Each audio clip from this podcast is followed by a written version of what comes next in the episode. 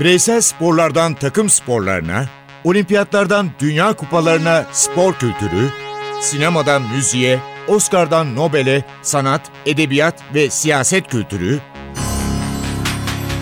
ve dünya tarihinin unutulmazlarıyla ilgili konuşulanlar, olayların perde arkası, yorumlar, sorular ve yanıtlar.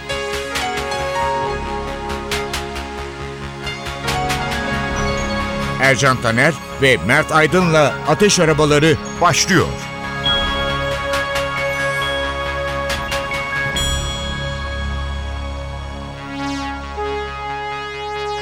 Ateş arabalarına hoş geldiniz. Hoş geldiniz. Bugün bizim yakın komşumuzu konuşacağız. Rusya'yı, Rus futbolunu. Ama tabii Rusya futbolla bilinmiyor sadece. Rusya edebiyatı, sanatı, müziğiyle her zaman dünya tarihinde yerini almış durumda. Biraz tarih konuşayım müsaade edersen. Estağfurullah. Doğu Slavlar deniyor Ruslara. 864 yılından önce Rusların tarihi hakkında bilgiler çok az. Sonra bu bilgiler gelişmeye başlıyor. Ancak 14. yüzyılda kurulan Moskova Knezliği var. Ve daha sonra Rusya Çarlık haline geliyor.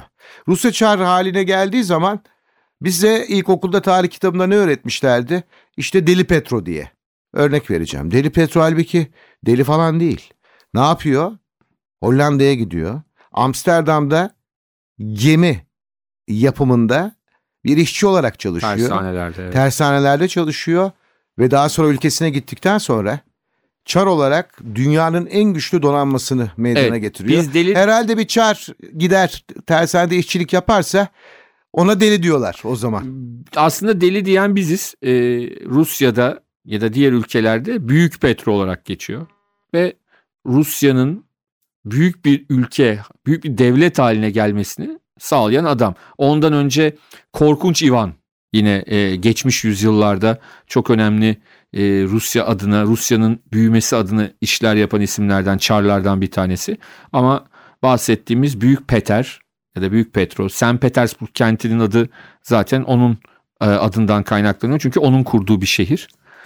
Rusya'nın kalkınmasına ve dediğim gibi e, büyük bir güç haline gelmesine. Şimdi Karadeniz sağlıyor. tarafından baktığınız zaman bizimle komşu. E diyeceksiniz ki e tamam ne oldu? Ama Amerika ile de komşu. Alaska'dan Amerika ile komşu.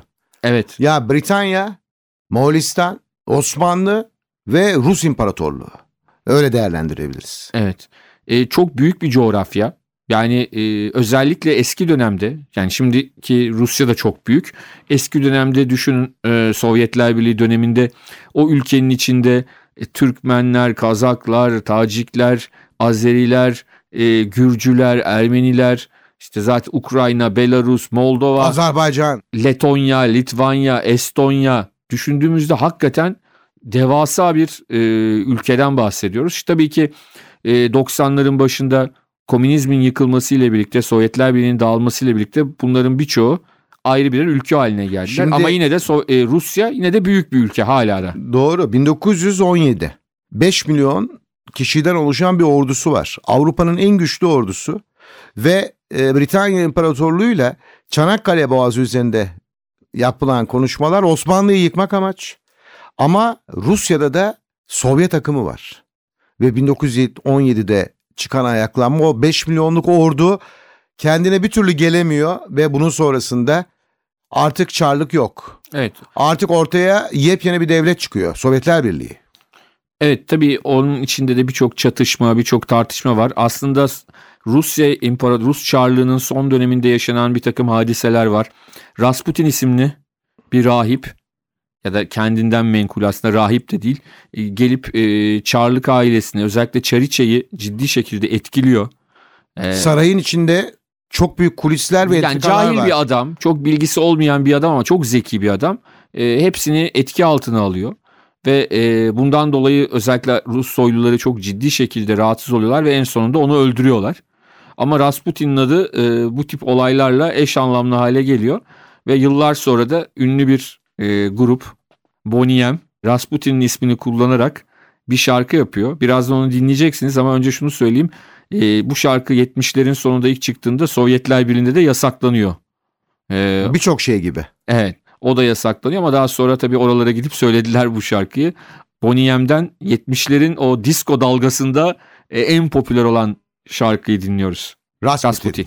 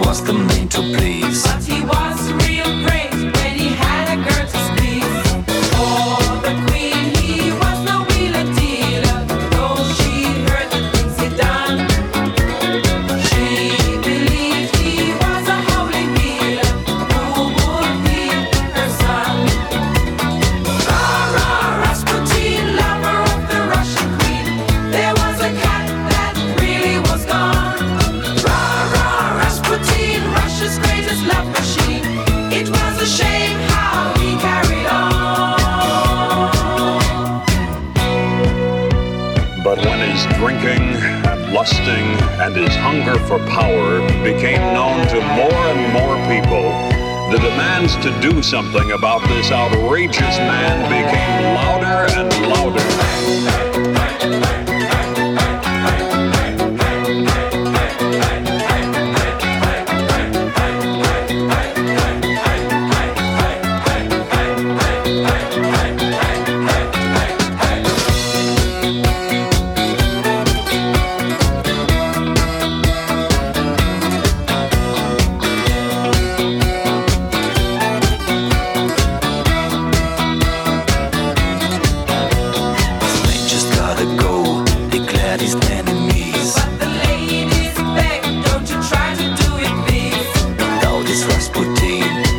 of hidden charms. So he was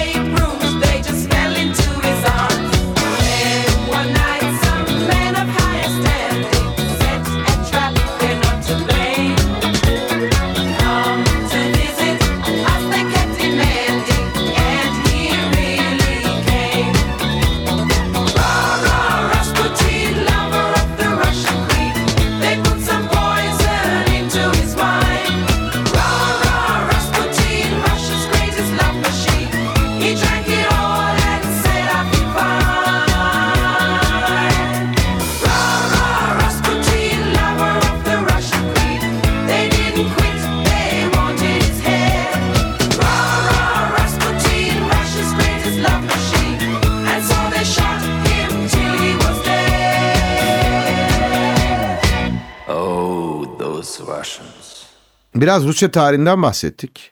Tabii ki Rus futboluna gideceğiz ama edebiyat deyince ben Lev Tolstoy diyeyim. Sen ne diyeceksin?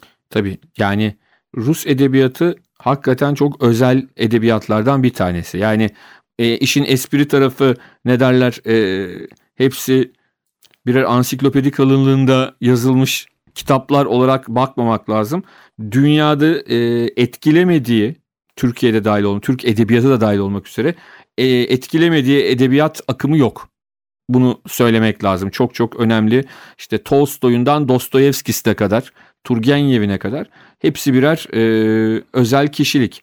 Ama Tolstoy özelinde bahsettiğimizde Lev Tolstoy aynı zamanda yani şöyle diyeyim Tolstoy kitaplarını okuduğunuzda aynı zamanda dönemin tarihi, dönemin özellikleri, kim kimdir, ülke nasıl yönetiliyor, ülkede halklar ne durumda bunları en ince detayına kadar öğrenme şansına sahip Ya oluyorsunuz. bu kitaplardan iki tanesini söyleyeyim. Evet. Savaş ve Barış, Anna Karenina. Evet. Ya, kitaplarını okumanızı tavsiye ederim. Ama filmleri de var çok güzel filmleri.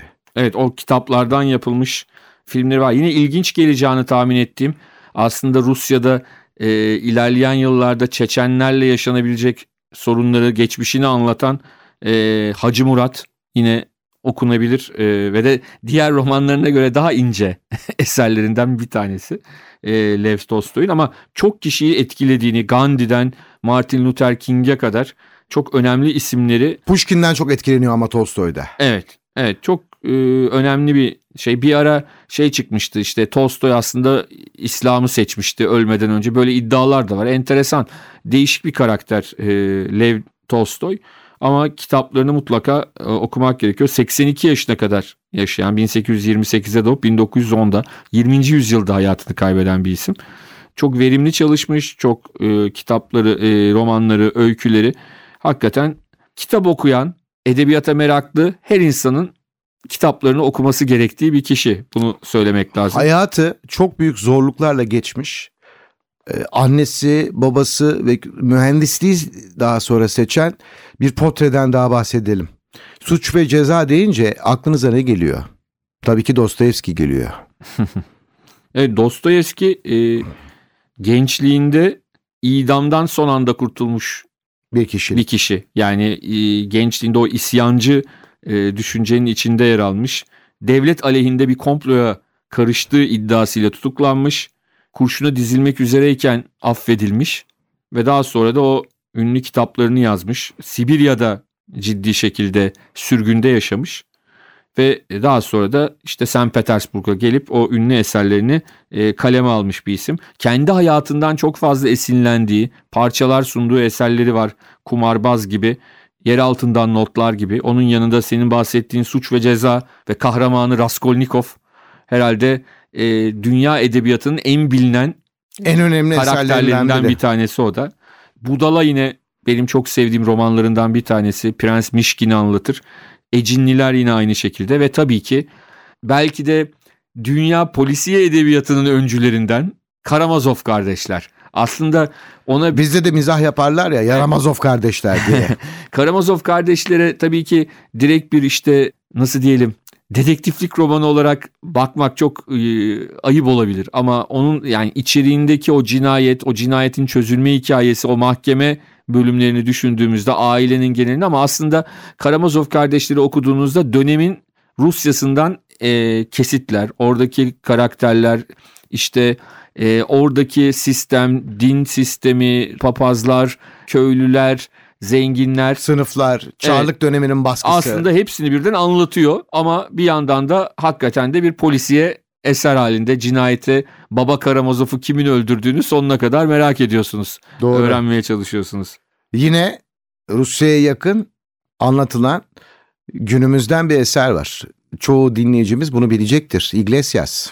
Evet Julio Iglesias'ın diyeceksiniz ki ne alakası var ama Var, var. çok ünlü bir şarkısı var dinleyeceğimiz Natali.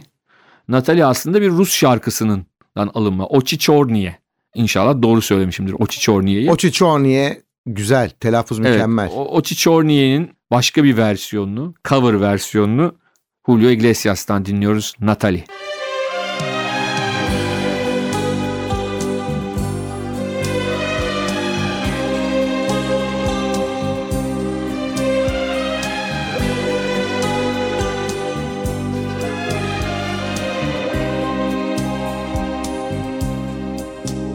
Natalie, en la distancia, tu recuerdo vive en mí. Yo que fui tu amor del alma y a tu vida tanto di. ¿Qué será de ti? ¿Dónde estás que ya a mi atardecer ya no has vuelto más? ¿Quién te cuidará? Vivirá te esperará? Natalie, Natalie, ayer mi calma, hoy cansado de vivir, de vivir sin la esperanza de que vuelvas junto a mí. ¿Qué será de ti? ¿Dónde estás que ya el amanecer no oye tu cantar? ¿Qué será que a ti no te importa ya que yo sufra así? Natalie.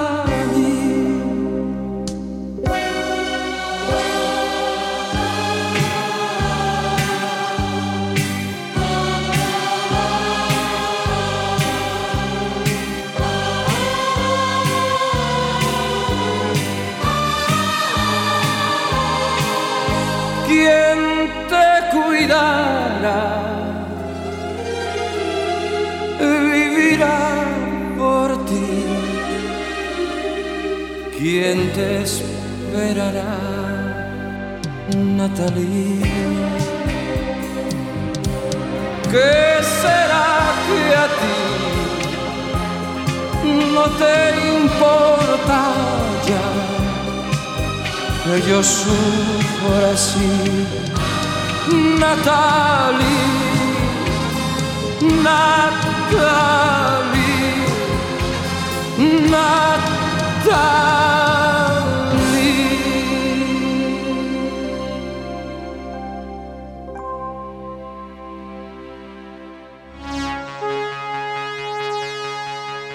Rus edebiyatını konuşmaya devam ediyoruz. Ana deyince hemen akla Maxim Gorki gelir ve şu sözler. Yaşam insanların bastıramadıkları, daha iyiye ulaşma istekleri yüzünden hep yeterince kötü olacaktır. Bizi yargılayacak olan çocuklarımızdır. Aslında bir insanın gözyaşı gülüşünden daha samimi ve tatlıdır. Çünkü unutma, her gülüşün altında bir ihanet saklıdır. Bir sürü dostunun içinde elbette düşmanların olacak. Ama unutma ki onca düşmanın içinde belki seni en yakın dostun vuracak. Maxim Gorki'den bahsediyoruz. Evet Maxim Gorki de e, devrim sonrası Rus edebiyatının çok çok önemli bir parçası. Zaten direkt olarak 1905'ten itibaren Rusya Sosyal Demokrat İşçi Partisi'ne üye olduktan sonra Bolşeviklerle birlikte hareket etmeye başlıyor. 1905'teki ilk ayaklanma çabasının içinde yer alan kişilerden biri ve hep o e, Bolşeviklerin içinde önemli bir noktada e, bulunan bir isim. 1917 devriminde de önde gelen isimlerden bir Evet. tanesi. Ve e, zaman zaman Bolşeviklerle tartışmaları olmuş. Lenin'le nasıl diyelim e, ters düşmüş. Enteresan bir adam. 1936'da hayatını kaybediyor ve bahsettiğimiz gibi çok çok önemli eserlere de eserleri de kaleme alıyor. Ana senin bahsettiğin en önemli eserlerinden bir tanesi. Okumadıysanız şiddetle tavsiye ederim. 1906 yılında yazdığı ama onun dışında da işte FOMA'dan halk düşmanına, küçük burjuvalardan soytarıya kadar çok çok güzel e, kitapları var. Öykü kitapları da var. E, İtalya hikayeleri benim tavsiye edeceğim kitap olabilir. Anıları, otobiyografik çalışmaları, oyunları olan çok değerli bir edebiyat adamı e, ve de Rus devriminin önde gelen önemli isimlerinden bir tanesi. İnsan iyi yürekli olunca hiçbir zaman yalnız kalmaz. Maxim Gorki'den bir sözle yine devam ederken müzik aramıza geldi sıra. Evet müzik aramızda Kızıl Ordu korosuna geçelim. Onlar da aslında Sovyetler Birliği döneminde bir anlamda ülkenin gülen yüzü olarak dünyanın her yerine ihraç ettikleri bir şeydi. Yani ordu içinde, Kızıl Ordu içinde yer alan müzisyenlerin olduğu, e, vokal grubunun olduğu e, bir gruptu. Ve dünyanın her yerine o e, Soğuk Savaş döneminde turlayarak bir anlamda e, ülkenin rejimin gülen yüzü olarak e, karşımıza çıkıyorlardı. Daha sonra e, Sovyetler Birliği dağıldıktan sonra da çalışmalarına devam ettiler. Ama onları herhalde tüm dünyada en çok tanıtan, oradaki performanslarıyla en çok heyecanlandıran şarkısı Rusların çok ünlü bir halk şarkısı Kalinka'ydı. Dansı ile birlikte. E, şimdi biz de Kızıl Ordu Korosu'ndan dinliyoruz. Kalinka. Kalinka.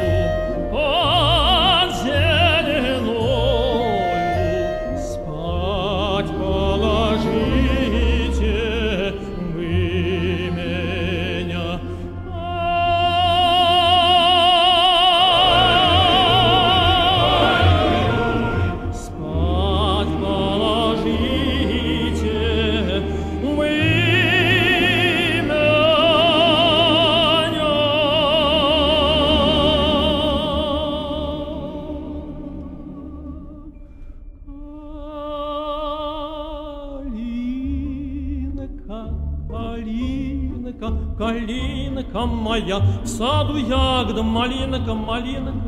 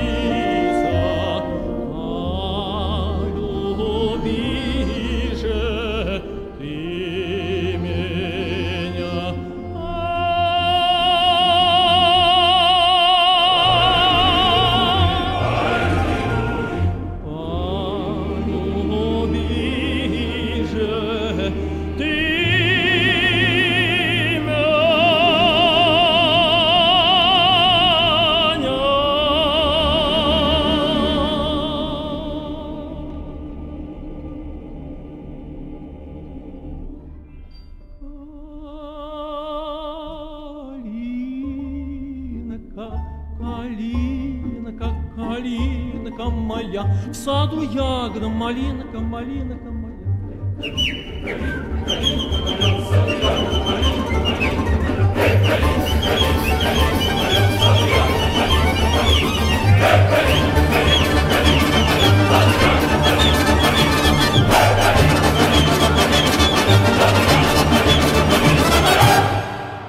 Sırada Rus sineması var. Çok büyük bir isimden bahsedeceğim. Tarkovski.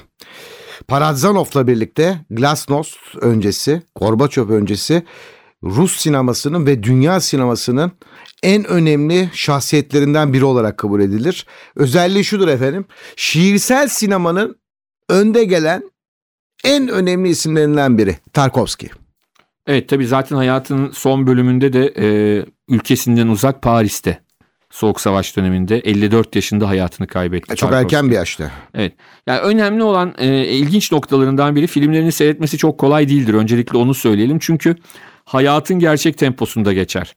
Yani bir adam bir yere yürürken o yürüyüş 10 dakika sürecekse filmde de 10 dakika sürer. O yüzden de seyrederken birazcık nasıl diyelim sabırlı olmakta fayda var. Offred en iyi yabancı filmde BAFTA Tabii. ödüllerini de kazanıyor. Onu yani son söyleyelim. filmi e, öldükten sonra kazandığı bir ödül o. E, ama onun dışında herhalde e, rahatlıkla onun klasikleri arasında sayabileceğimiz Solaris. Daha sonra Amerikalılar da biliyorsun George Clooney ile çektiler o filmi. Solaris. Tempo biraz düşüktü. E, Andrei. Rublev yine çok özel filmlerinden bir tanesi e, olduğunu söyleyebiliriz.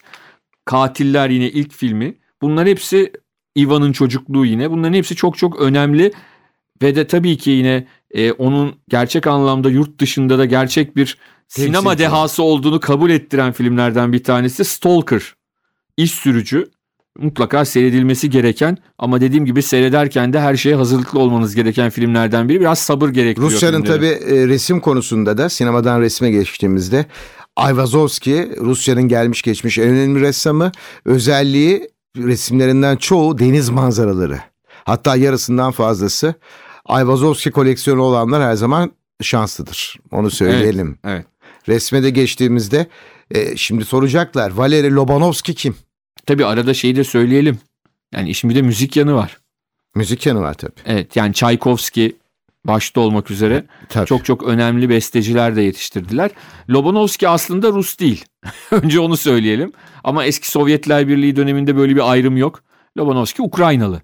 Ve ortaya bir konu çıkartıyor. Asrın takımı diyorlar.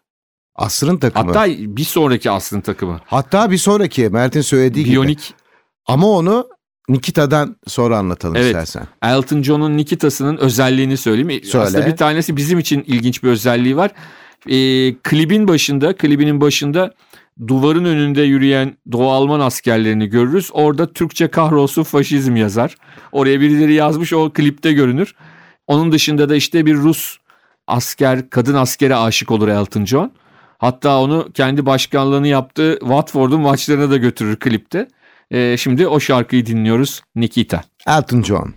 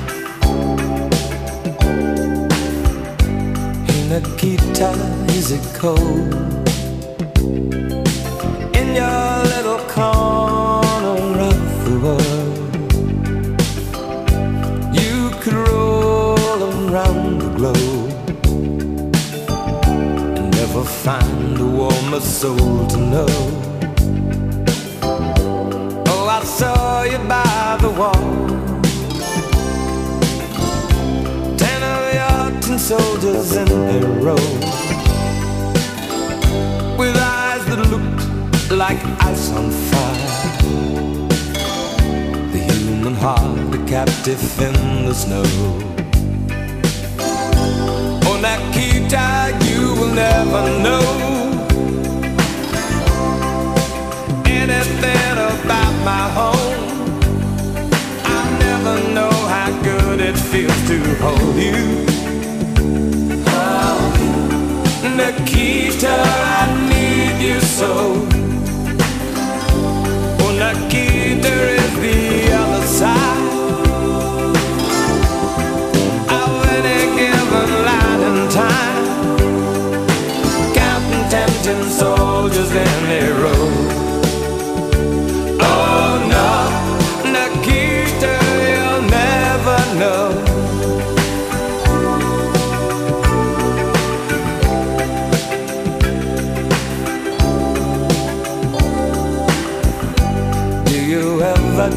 Of me? Do you ever see the letters that I write? When you look up through the wire, Nikita, do you count the stars at night? And if there comes a time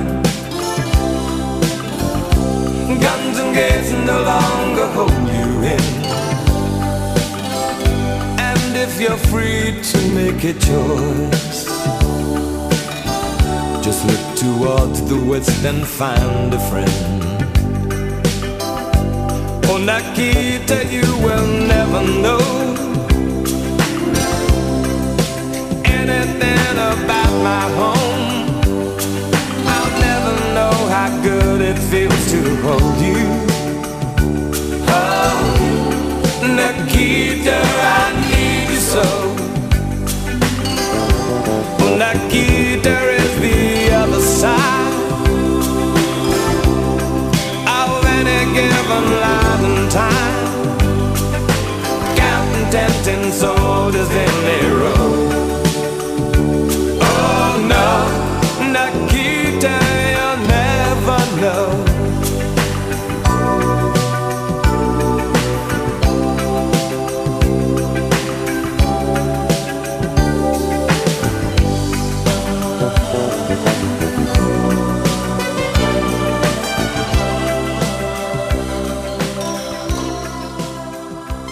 Lobanovski öyle bir takım kurdu ki Rudakov, Onyshenko, Matvienko, Konkov, Kolotov diye sayabilirim. Hem bu takım Dinamo Kiev hem de Sovyetler Birliği o dönemin takımı. Bu takım öyle bir futbol oynuyor. Şimdi Barcelona nasıl oynuyorsa Dinamo Kiev'i yenmek çok zor. Öyle bir takım oluşturdular. Özellikle de maçların ilk yarılarında müthiş bir e, performans yapıp ortaya çıkarıp neredeyse maçları ilk yarıdan bitiren bir takımdı Dinamo Kiev. 70'lerin ortasında bir grup demin bahsettiğin ekip Blokin önderliğinde Hala Blohin'in, Oleg Blohin'in e, gol atma rekoru kırılmamış. Sovyetler Birliği tarihinde. Ee, Onu orada bir lazım. Avrupa Kupa Galipleri Kupası var. Ee, işte Süper Avrupa Süper Kupası var. Sonra 10 yıl sonra başka bir kuşakla yine müthiş bir e, ivme yakalıyor Lobanovski Dinamo Kiev'le ve üstüne ona diyorlar ki gel Sovyetler Birliği milli takımını çalıştır.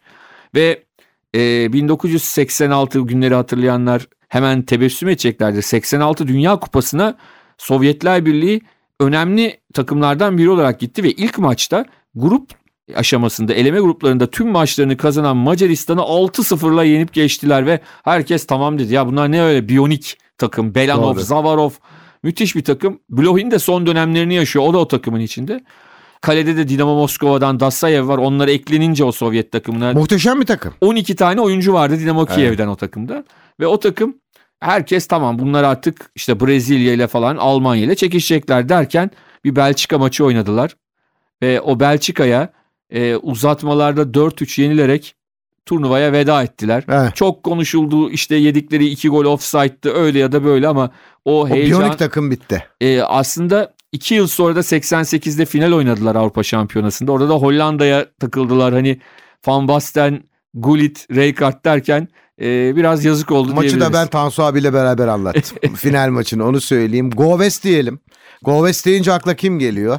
Gorbaçov'dan artık Gorbaçov dönemi bitiyor. Glasnost, Perestroika, Goves. Pet Shop Boys.